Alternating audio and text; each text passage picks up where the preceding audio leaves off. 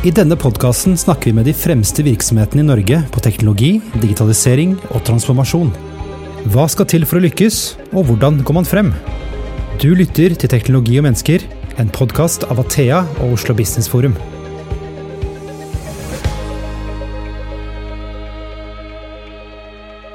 Da er vi tilbake med en ny episode i podkasten Teknologi og mennesker. Mitt navn er Christian Brostad. Et tips, eh, hvis du abonnerer på podkasten i din podkastspiller, så får du nye episoder rett inn i spilleren. Så over til dagens tema. Det skjer mye rundt oss eh, om dagen. Vi har krigen i Ukraina, sikkerhetspolitisk uro, skyhøy inflasjon, høye energipriser, og koronaen er definitivt ikke over. Klimakrisen har kanskje kommet litt i bakgrunnen for alt annet vi kjenner på kroppen akkurat nå. Men det har nettopp vært et eh, klimatoppmøte, møte, som det heter, eh, i Sharm el Sheikh i Egypt, såkalt COP 27. Tilsvarende møter har blitt holdt eh, nesten hvert eneste år siden 1995. Jorda den er brennheit, og vi har hatt et år med globale hetebølger, tørke, overforsvømmelser og kraftige orkaner osv. Så, videre. så det er behov for akutt handling. I denne episoden skal vi rett og slett snakke om hva som skjedde under dette klimatoppmøtet. Er det en grunn til å være optimistisk, eller er vi på vei mot en katastrofe? Og hva kan vi gjøre? Uh, ukens gjester det er Sigrun Gjerløv Aasland, som er daglig leder i Zero, og så har vi Nelly Flatland, jeg holder på ordene i dag, som dere hører, fungerende bærekraftsjef i Athea. Velkommen til dere. Tusen takk. Tusen takk, veldig hyggelig å være her. Et, vi må, uh, må, snakke om én ting først. fordi uh, er, Alle har sikkert hørt om COP27, men hva er det for noe egentlig? Mm. Sigrun? Ja, Det står for Conference of the Parties, eh, og det er jo altså alle verdens land som møtes for å følge opp hva man skal gjøre med avtaler man allerede har inngått på klimaområdet. Og den viktigste avtalen er jo Parisavtalen egentlig, fra 2015, som eh, etablerte at alle er enige om at vi skal forsøke å holde global temperaturøkning, eh, den gangen under to grader, men helst under 1,5. Mm. Eh, og så skal man jo da melde inn hvordan man i eget land skal gjøre det, og hva man sammen har lyst til å få til for å klare å nå de målene. Og det er svært, Nelly. Eh, jeg leste at det var nesten 200 land, 25 000 deltakere. Jeg vet ikke om det er sant, det man leser, men eh, du har jo vært på ikke årets Coop, men uh, den Coop-en som var i Glasgow. Hvordan det var det? Stemmer. Det er som du sier, det er helt enormt. Det er helt vanvittig hvor mange som trekkes dit. For én ting er jo de forhandlende partene, som er disse 200 landene som møtes over forhandlingsbordet og prøver å bli enige om en avtale, en sluttavtale, slutterklæring, eh, som alle land må være enige og stille seg bak for at man skal kunne slå klubba i bordet og kalle det en dag. Um, men så er det jo enormt mye som skjer rundt disse klimatoppmøtene. Uh, og det er jo kanskje noe av det som er fascinerende, er jo hvordan Ja, du har toppolitikere, og så har du uh, virksomheter, og privat næringsliv til stede som presenterer sine løsninger, hvordan de jobber med det grønne skiftet og pusher på. Og så har du jo også sivilsamfunnet for øvrig. Eh, og det var jo kanskje en ting som var påfallende. Altså på Glasgow-toppmøtet eh, i fjor så var det jo en svær demonstrasjon av aktivister som nesten tok over hele Glasgow by, mens det var jo faktisk fraværende i Sharm el Sheikh i år. Da hadde jo egyptiske myndigheter gjort det ganske tydelig for aktivistbevegelsen at uh, her er det ikke rom for demonstrasjoner under uh, klimaforhandlingene i år. Så kanskje ikke like stor representasjon av alle samfunnslag på årets klimatoppmøte som det vi har sett før. Mm. Mm. Eh, og det er jo altså konseptet her. Eh, 200 land skal bli enige. Jeg vet ikke om Det er det. Det er jo tydeligvis mulig, da, men det blir liksom flaue avtaler vi ender opp med, eller hva tenker du Sigrun? Ja, det var mange som var skuffet over årets avtale. Eh, og det er jo som du sier, alle må bli enige. Så om noen er mer progressive enn andre, så blir det jo et slags minste felles multiplum. Eh, mange var skuffet over at man ikke sa mer. Man gikk nesten litt tilbake på noe av det som ble enighet om i Glasgow i fjor, som handler om nedfasing av fossile brensler, som jo er kjernen i klimaproblemet. Eh, og så tenker jeg at det er likevel verdt å holde fast i, da. At det var to ting som kom ut av møtet i år, som er viktig, og som alle da var enige om. Og det ene er jo at man holder fast på 1,5-gradersmålet, og det betyr jo også at man anerkjenner og holder fast på alle rapportene fra FNs klimapanel og vitenskapeligheten i klimakrisen, eh, og også analysen av hva som skal til for å løse den. Mm. Og det andre som var viktig i år, og som var et uh, hett tema på agendaen, det var jo dette som heter tap og skade. Altså hvordan fattige land kom til dette møtet. Og det var, ikke, det var en viss symbolikk i at møtet også i år foregikk på det afrikanske kontinentet, der det er mange land som har veldig lite ansvar for klimakrisen, og betaler en veldig høy pris for de klimaendringene som allerede skjer. Og så fikk man, til tross for en del motstand fra de fleste rike landene i begynnelsen, på plass et eget fond da for tap og skade. Som ennå ikke er fylt opp med penger, det må sies, eh, men det er i hvert fall en anerkjennelse av et ansvar fra de som historisk har stått for de store utslippene, eh, overfor de som ikke har så mye ansvar, men som allerede merker konsekvensene verst. da. Så det var jo i hvert fall to ting som kom ut av det, som jeg tenker at eh, vi skal holde fast på. Så er det, så skulle jo alle ønske at det hadde kommet mer ut. Og det var jo veldig, som Nelly sier, det var ganske sånn eh, dystert hvor ekstremt liten plass sivilsamfunnet fikk i år. Hvor nedstengt og lite demokratisk det var. Um, men så er det jo også sånn at hele poenget med disse møtene er jo uh, å møtes og bli enige, men også å forplikte seg til hva man skal gjøre hjemme. Så når man har på en måte rammen, som er da 1,5 grader, Eh, og denne erstatningen for tap og skade, så er det liksom det aller viktigste er jo det politikerne utretter når de drar hjem igjen til sine egne land. Og hvis vi tenker på hva dette her egentlig er, da. Eh, det er 200 land eh, fra hele verden som møtes, og som faktisk eh, klarer å bli enige om en slutterklæring, så er jo det i seg selv ganske spesielt. Og egentlig helt fabelaktig. Og så er vi jo mange som jobber med disse tingene, som eh, er veldig utålmodige. Og vi ser jo at det, det tas bitte små skritt på hvert klimatoppmøte i riktig retning, men de er for små det går for sakte. Vi trenger større tempo, større omveltning og også mer handling. Og det satte jo faktisk også vertslandet Egypt på agendaen i år, dette med gjennomføring. Hvordan omsetter vi dette til praktisk politikk og til faktiske, konkrete tiltak som vi kan ta med oss tilbake da, og gjøre noe med. Men hvis vi da ser på årets agenda, da, som du snakket om her, Sigrun, med at det var hovedsakelig tre områder, tre ting som sto på agendaen. Det var dette med hvordan begrenser vi oppvarmingen? Klarer vi å holde det innenfor halvannen grad? Eh, tap og skade, som også har vært på agendaen i mange, mange år, det skal sies. Eh, men i år så var det jo da faktisk for første gang kobla til faktisk finansiering. Men det har ikke vært noe hemmelighet at det da har vært eh, fattige land, og spesielt mindre øystater, da, som har betalt den høyeste prisen for klimaendringene. Eh, og så var det dette med, med, fossile brennstoff. Det var disse tre tingene som dominerte mm. eh, årets forhandlinger. Og hvis vi da sier at eh, selv om 1,5-gradersmålet hang i en ganske tynn tråd en stund i, underveis der, og det var mange som var bekymra for at den forpliktelsen faktisk skulle ryke, eh, så klarte man å få det med. Så to av tre da, av disse områdene blei det jo faktisk til slutt en enighet om i slutterklæringen. Så um, jeg har jo lyst til å være positiv og tenke at det er et, eh, et, lite steg som gjerne kunne vært større, men det er tross alt et riktig steg i riktig retning. Mm. mm. Hvordan er det Zero forholder seg til denne type toppmøter? Ja, Vi jobber jo egentlig med det som skal skje hjemme etterpå, altså med norsk klimapolitikk. Eh, og rammen for den klimapolitikken er jo veldig klar. Eh, vi er Norge er, har signert Parisavtalen. Norge deltar på COP, har forpliktet seg til 1,5-gradersmålet. Eh, så laget vi eh, nå i, tidligere i år en rapport der vi viste ja vel, hvis regjeringen vil dette, og her i Norge har jo regjeringen sagt de skal kutte utslipp med 55% innen 2030, og det må man for å på en måte være i, da, i tråd med Parisavtalen.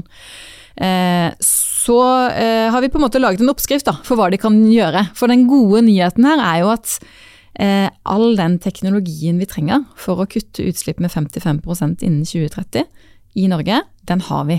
Og alle virkemidlene som trenger å komme på plass for å rulle ut den teknologien og skalere den opp, de kjenner vi til. Eh, så vi laget en rapport som vi kalte for Zero 2030, men som, som rett og slett er en sånn liste med virkemidler og tiltak som regjeringen kan gjøre. Så sa vi her er eh, hvordan dere kan gjøre det for å nå disse målene. kan godt ta ut noe hvis det er noe dere ikke liker, men da må dere putte inn noe annet i stedet. Fordi eh, det som er status nå, og det har jo også regjeringen lagt fram i statsbudsjettet i år, så la de fram i tillegg noe de kalte for Grønn bok, som på en måte er regjeringens klimabudsjett eh, viser jo veldig tydelig at vi er jo ikke i rute her hjemme for å kutte utslipp så mye som vi både regjeringen har sagt i sin egen plattform, og som vi har lovet da i disse internasjonale forhandlingene. Men eh, vårt på en måte primære anliggende er å ta disse avtalene som inngås, og Norges eh, forpliktelser i de avtalene, og også den politikken som er vedtatt her hjemme, eh, og følge opp hva er det vi må gjøre for å klare å oppfylle disse målene. Men det er jo ikke lett om dagen for politikeren heller. Jo, vi, vi, vasser jo i problemer. Eh, så er det dårlig nytt for klimasaken? Altså På klimatoppmøtet i fjor så var det oppgangstider. Da var økonomien på vei oppover, og det så jo forholdsmessig lyst ut.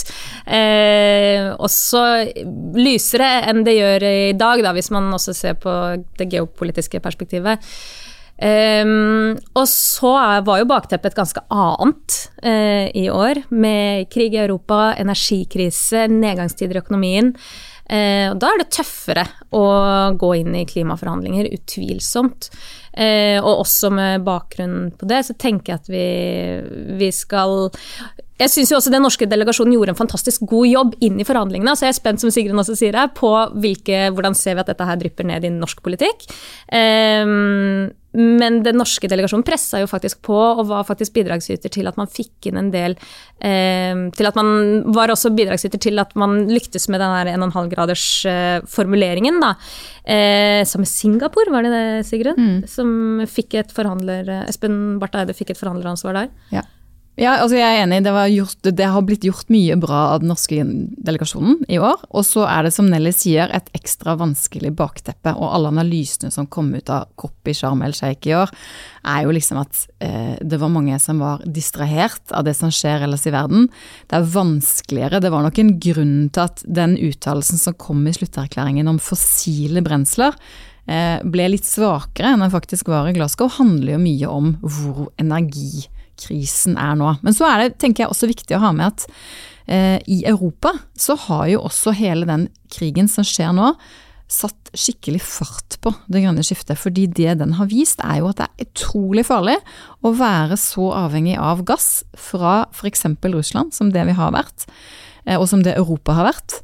Eh, og det har jo resultert i at selv om Europa og EU allerede hadde en ganske progressiv og, og, streng klimapolitikk før Russland invaderte Ukraina, så har man jo satt fart på det og akselerert veldig mye av det som handler om fornybar energi og energieffektivisering og alle de tingene som også er nødvendig for å løse klimakrisen.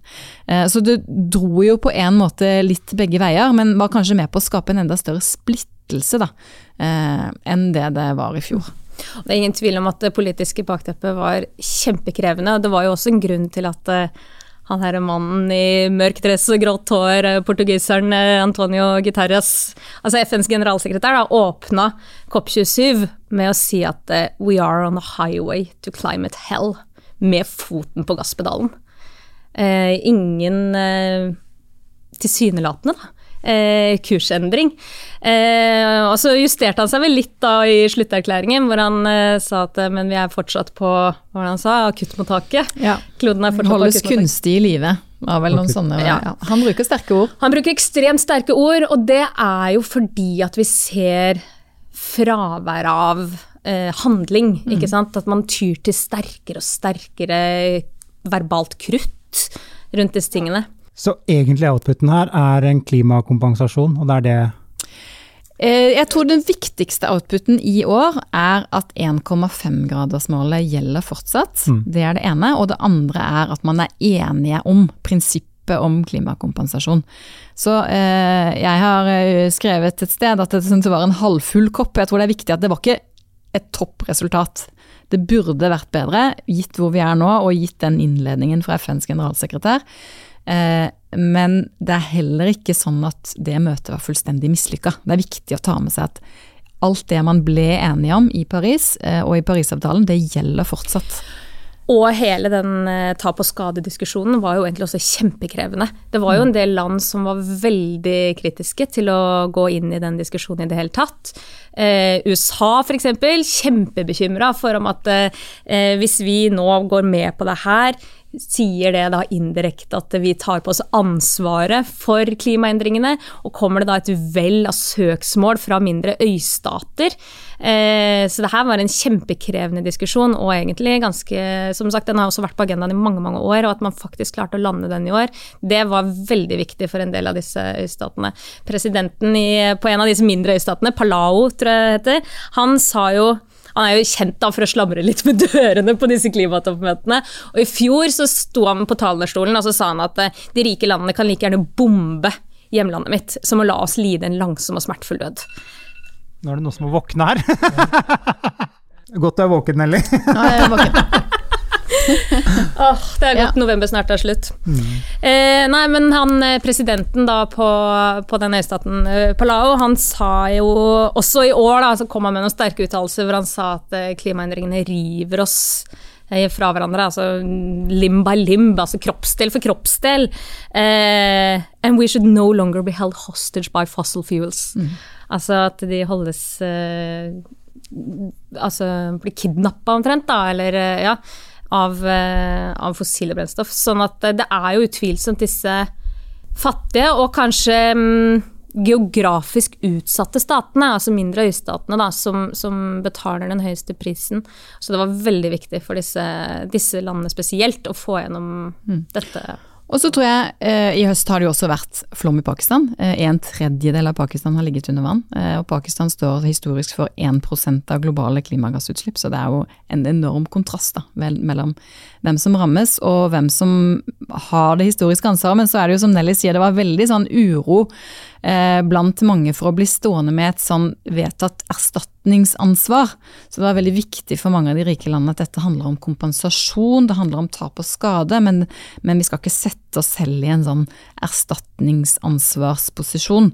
Eh, og det må også være en plan for hva disse pengene skal brukes til. Det er ikke sånn at man skal få penger fordi man lider tap og skade, eh, man skal få penger til tiltak som kan gjøre det lettere å håndtere tap og skade. At det har vært en viktig nyanse for mange. Og så var det jo også en kamp om ja, hvem skal ta dette ansvaret. Er det de rike landene som har vært rike lenge?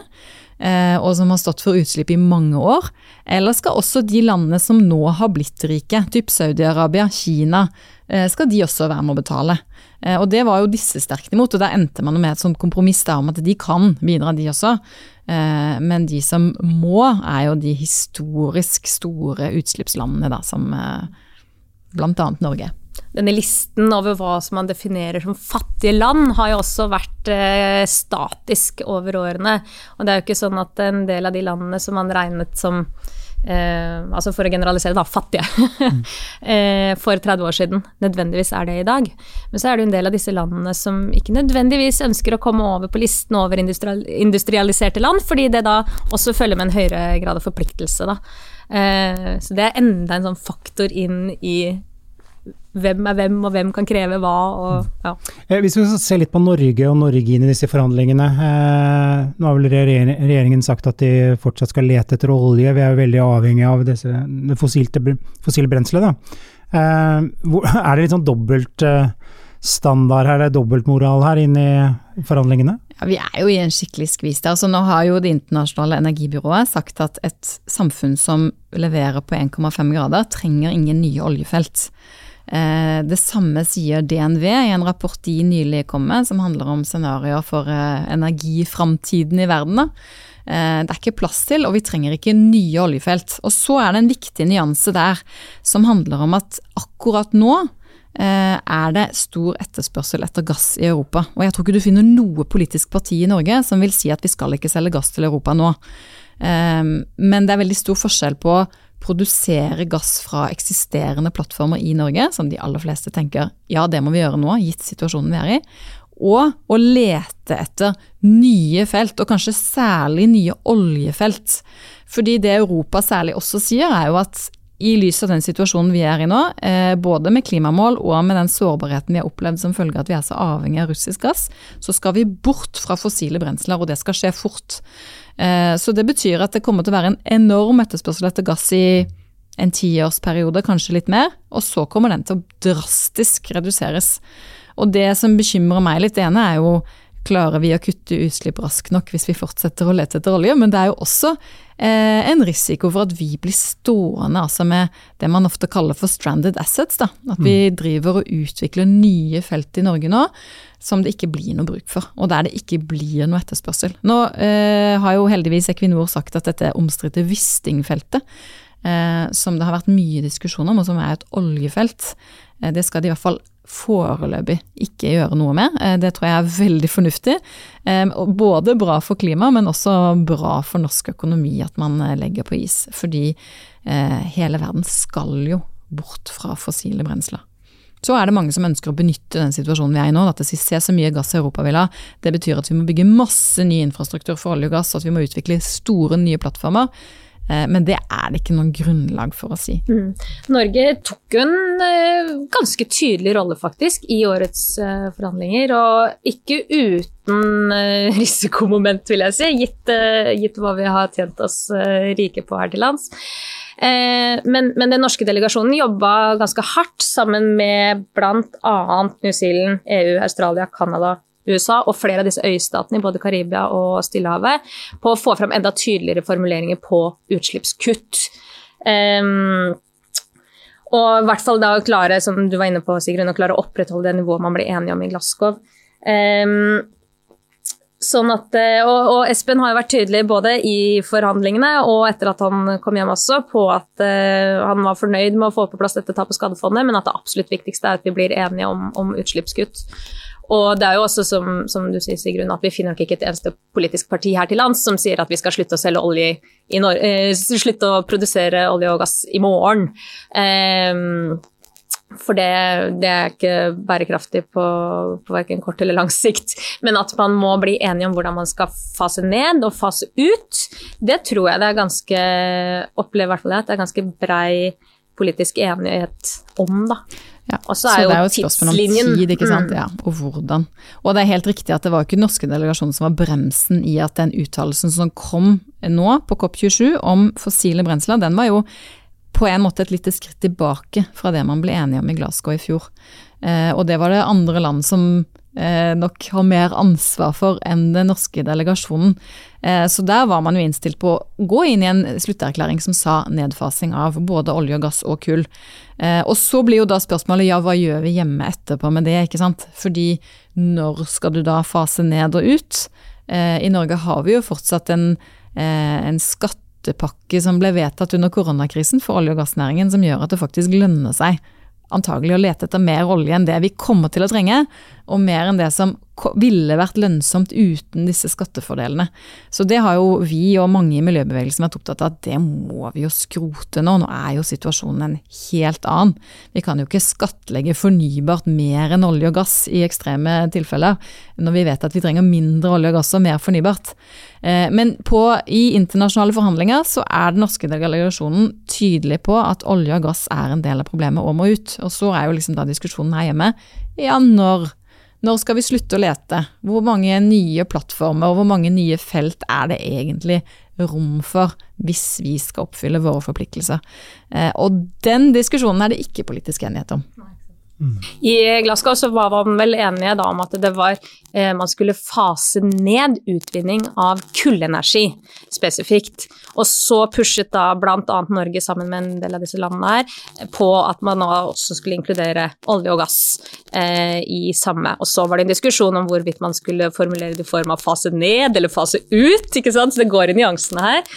Eh, men så ble det da til slutt eh, ikke inkludert. Og det var jo som Sigrun sier, var vel andre land som satte kjepper i hjula for det. Saudi-Arabia, Russland. Lite, lite sjarm og mye sjeik.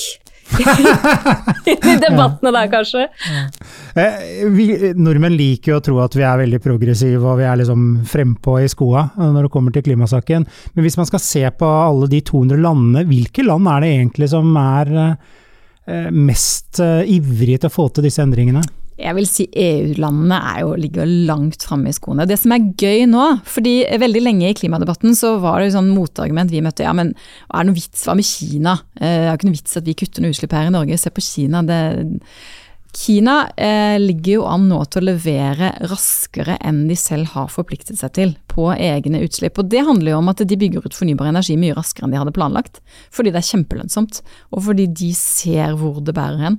India også, selv om de ikke ligger an til å nå netto null i 2050 ennå, så har det også gått raskere med fornybarutbygging der enn man hadde forventet.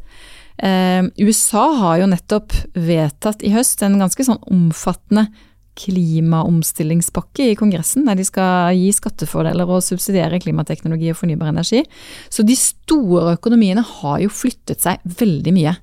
Eh, og EU, som vi har vært inne på, i møte med den energikrisen som de står i, har jo gjort mye. Og der vedtas det nå ganske inngripende og radikal klimapolitikk på løpende bånd denne høsten, som er oppsiktsvekkende og mye mer radikalt enn det vi har i Norge. Og i Norge er det jo faktisk sånn eh, at eh, ja, vi liker å tro at vi er progressive, men vi har altså kuttet våre egne klimagassutslipp med 4% siden 1990. Så det er jo svært mm. lite. Mm. Hvis man altså deler utslippene per, eh, per, innbygger i landet, så ligger vi også langt nede på lista. Um, vi har jo enorme utslipp per person i, eh, i forbrukslandet Norge. Så vi skal Ja, vi, er, vi liker å skryte av oss sjøl, men eh, vi er ikke her oppe på berget, så har vi da vårt å stri med, vi òg, for å si det sånn. Mm. Mm. Jeg syns dere er ganske hyggelige i beskrivelsen. For reaksjonene etter COP27 er jo veldig blandet. Er det noe Sigrun, du skulle håpet på at ble bedre, eller er du, du, du var jo så positiv? Nei. jeg eh, syns ikke det var et godt resultat. Nei. Jeg tror ingen syns det. Eh, og så tenker jeg, nå har vi etablert det. Eh, og jeg er litt bekymret for at eh, hele debatten debatten rundt de klimatoppmøtene, både mens det pågikk og rett etterpå, har vært preget av at er det noe vits med disse klimatoppmøtene, det er jo bare prat, klimaaktivist Greta Thunberg gidder ikke reise dit, hun sier de bare prater og skal vise seg frem. Um, jeg tror det er det siste klimakampen trenger nå, uh, er jo at for det første, vi går rundt og forteller oss selv at det er håpløst og at ingenting nytter. Eh, og for det andre at vi mister tilliten til de politikerne som må løse klimakrisen. Eh, så ja, det burde vært mye bedre. Det burde vært eh, mer og tydeligere uttalelser f.eks. om olje og gass og kull. Men nå ble det sånn som det ble. Og nå er møtet ferdig, og det er et nytt møte neste år. Og det som er viktig nå, er jo at vi peker på løsningene. Sant? De finnes jo. Mm. Det skjer ting i de store landene. Det skjer masse ting på teknologiutvikling og i markedene. Eh, og det finnes masse ting vi kan gjøre her i Norge også, med kjent teknologi og med kjente virkemidler. Så jeg er bare litt opptatt av at selvfølgelig skulle vi hatt kommet mye lenger. Selvfølgelig hadde det vært fint om vi ble enige om mye mer på klimatoppmøtet, men det betyr ikke at ikke det er mulig å nå de målene vi har satt oss. Det er bare skikkelig vanskelig.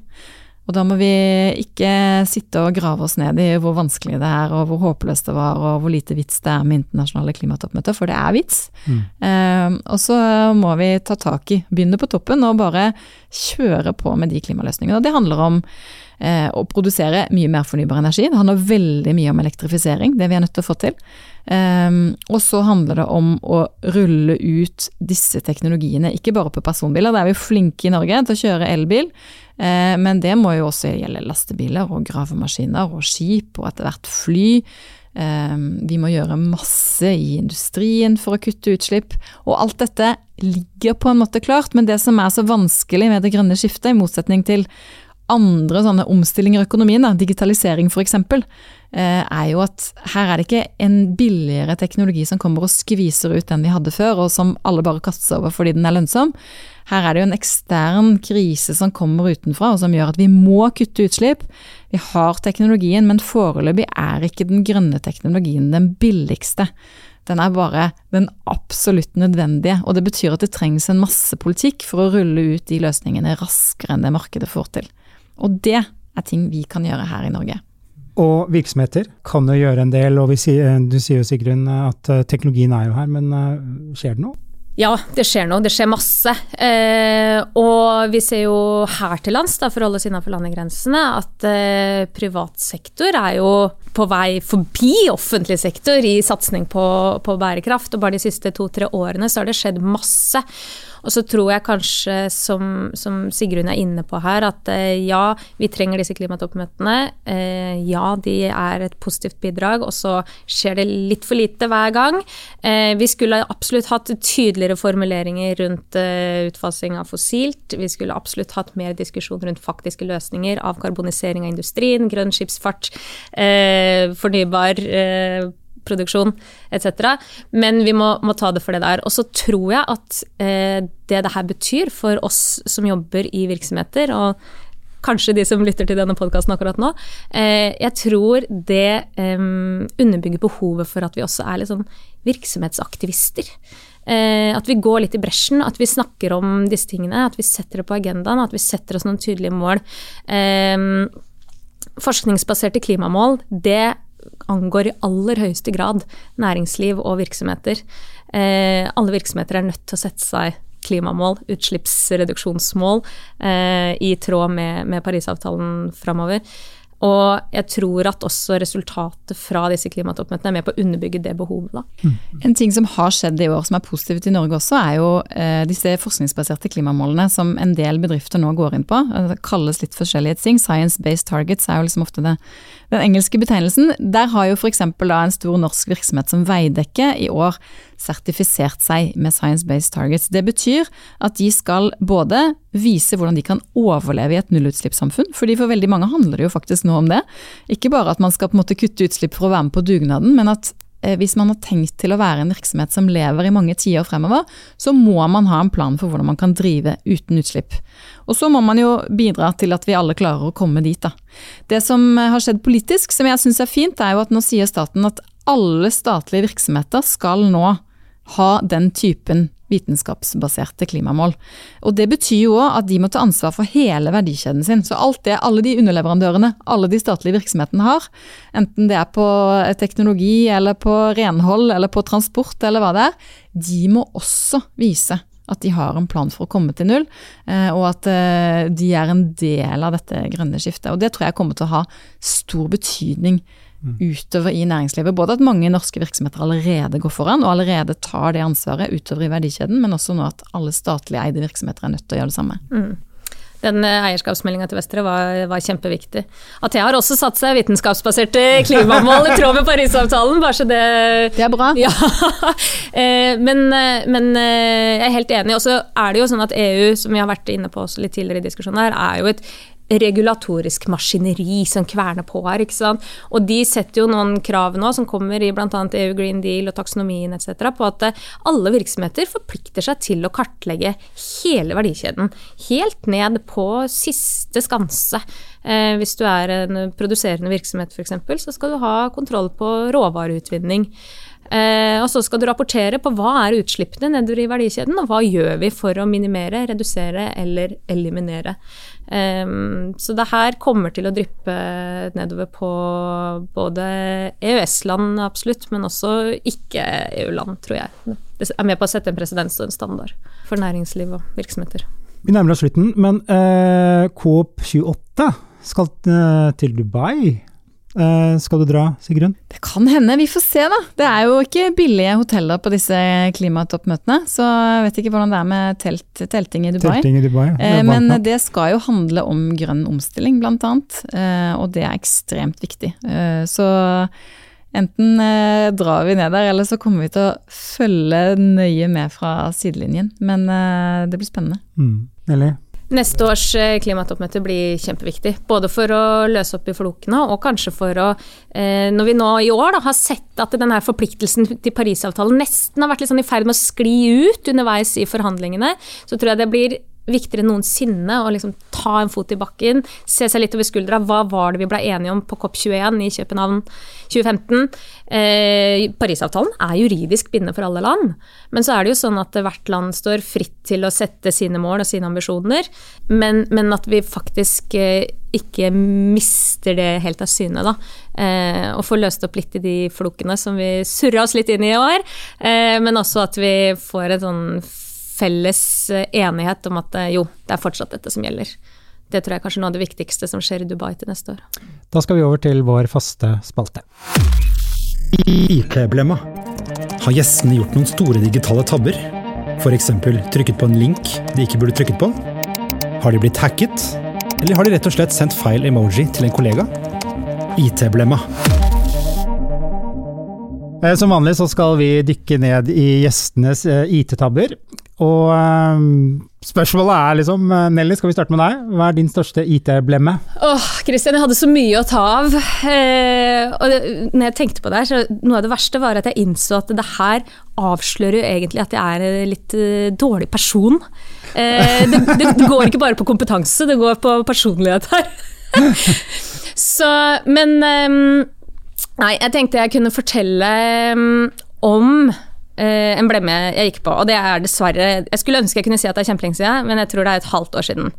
Og sånn viktig bakteppe da, inn i, denne historien her, er at jeg er ikke sånn ekstremt spesielt teknisk anlagt. Og så blir jeg veldig fort frustrert. Veldig fort frustrert. Og når jeg blir frustrert, så blir jeg altså sånn ja, men da bare gjør vi det sånn. da bare gjør vi det sånn. Jeg, jeg orker ikke å prøve å løse en floke. Da ryker jeg på en smell. Så jeg satt, eh, jeg satt på gmailen min, min privatmail, og så var det det var et eller annet sånn 'Minnet er fullt, minnet er fullt', og det poppa opp. Og jeg blei liksom fullstendig blokkert og fikk ikke gjort noen ting. Og frustrasjonen bare bygde seg opp, og det begynte å koke i skallen. Jeg, åh, jeg kom ikke videre. Så jeg endte opp med å bare sånn eh, Det sto at drive var full. Og det sier ikke meg så veldig mye. Jeg hadde ikke noe egentlig begrep om hva betyr at drive er full. Og så har jeg da brukt min privatmail, som kanskje mange andre, som litt sånn arkiv. For kvitteringer, garantier, eh, litt sånn brev, hist og pist, barnehagen, kommunikasjon etc. Men til slutt så var jeg altså på et sånn breddpunkt av frustrasjon og irritasjon og liksom null tålmodighet igjen. Så jeg var sånn, da er det bare å slette hele mailboksen min. Kanskje det løser problemet. Det er jo et eller annet som er fullt her, kanskje det er mailboksen. Det er det ikke, og nå har jeg ikke garanti på noen ting av det jeg eier lenger. Prøvde å levere en støvsuger til reparasjon, det kunne jeg ikke gjøre uten kvittering. Eh, så det er liksom min anbefaling til alle lyttere av den podden, aldri slett mailboksen din. Du Bare blir jo- kjøp mer lagring. Kjøp mer, lagring. men det viser seg altså Det var jo ikke Drive altså sånn, Drive hadde ingenting med mailen min å gjøre. Så når jeg da kom til mannen min og sa at eh, jeg har slettet mailboksen min, så var det sånn Hæ? Men du Altså sånn Det har ingenting med saken å gjøre. Mailboksen din har ikke, henger ikke sammen med Det hadde ikke jeg heller skjønt. Nei, takk! Nei. Takk! Fordi jeg har vært sånn Å nei, jeg er en teknisk amøbe, har jeg vært etter den historien her. Men tenk så fri Så- du er nå. Ja, Ja, med alle de deilig. tingene. Jeg kvittet meg med hele historien min. Historieløs, eh, digitalt historieløs på privatmail. Mm. Ja, da er det min tur, da. Da er det Altså, jeg er veldig god på å fortrenge sånne dårlige, for jeg har mange blemmer. Um, men jeg tror eh, du sa i begynnelsen at vi er ikke helt ferdig med korona. Jeg føler vi er ferdig med korona. Da. Vi er i hvert fall ferdig med de derre alle de møtene vi satt på på Teams. Da tror jeg veldig mange satt multitasket og ikke var helt til stede i de møtene de skulle være til stede i, inkludert meg selv. Eh, Så jeg har gått på en del sånne blemmer hvor du sitter i møte, og så sitter du i parallelt en del sånne chatter samtidig, da. Eh, Og det som ofte kan skje da, som ikke er så bra, er jo at hvis noen da f.eks. deler skjerm i løpet av møtet, så popper disse meldingene som du sender opp i møtene. Det kan bli litt pinlige situasjoner. Så det er det ene. Så har jeg hentet inn eh, en liten dugnad i organisasjonen for å se om det var noen flere blemmer. Og det som var litt sånn gjenganger, var jo når du handler ting på nett, da. Eh, eksempel mat. Det er jo veldig deilig å handle mat på nett, eh, men du får ikke noe begrep om, om, det, om det er fornuftig, det du legger i handlevognen. Eksempel hvis du skal kjøpe fem løk og putter inn fem kilo, så får du Så- ikke noe sånn inntrykk av at eh, det er litt mye. Så det kan også skje, da. Ja. Ja. Så hvis det kommer sånn eh, på eh, når Nordstrand eh, deles og selges og gis bort til grupper, sånn her er det 3,5 kilo løk noen som trenger, da er det Sigrun er det som Sigrun. Ja. har gått på ei Så men det, det tenker jeg de kunne løst med en liten sånn vurdering. Er du helt sikker på at du vil ha fem kilo løk? Det kan godt dukke opp. Hvis ikke det øker frustrasjonsnivået. Bort, bort. Jeg tror vi bare slutta det. Ja, ja. Nelly og Sigrun, tusen takk for at dere kunne være med, og tusen takk til deg som har lyttet på. Du har nå lyttet til Teknologi og mennesker, laget av Athea og Oslo Business Forum. Liker du podkasten, setter vi stor pris på om du gir oss noen stjerner. Og tips gjerne en venn om podkasten.